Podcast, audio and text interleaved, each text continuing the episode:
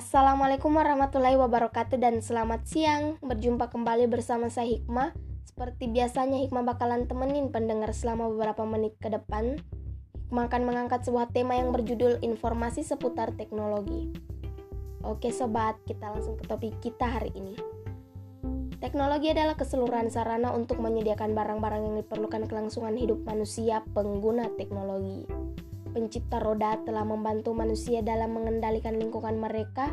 Perkembangan teknologi baru termasuk di antaranya mesin cetak, telepon, dan internet telah memperkecil hambatan fisik terhadap komunikasi dan memungkinkan manusia untuk berinteraksi secara bebas dalam skala global.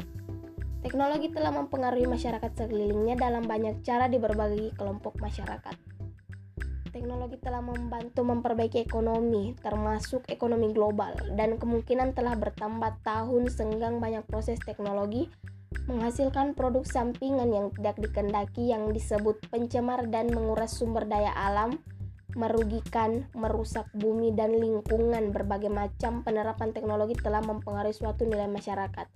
Dan teknologi baru sering kali mencuatkan pertanyaan-pertanyaan etika baru.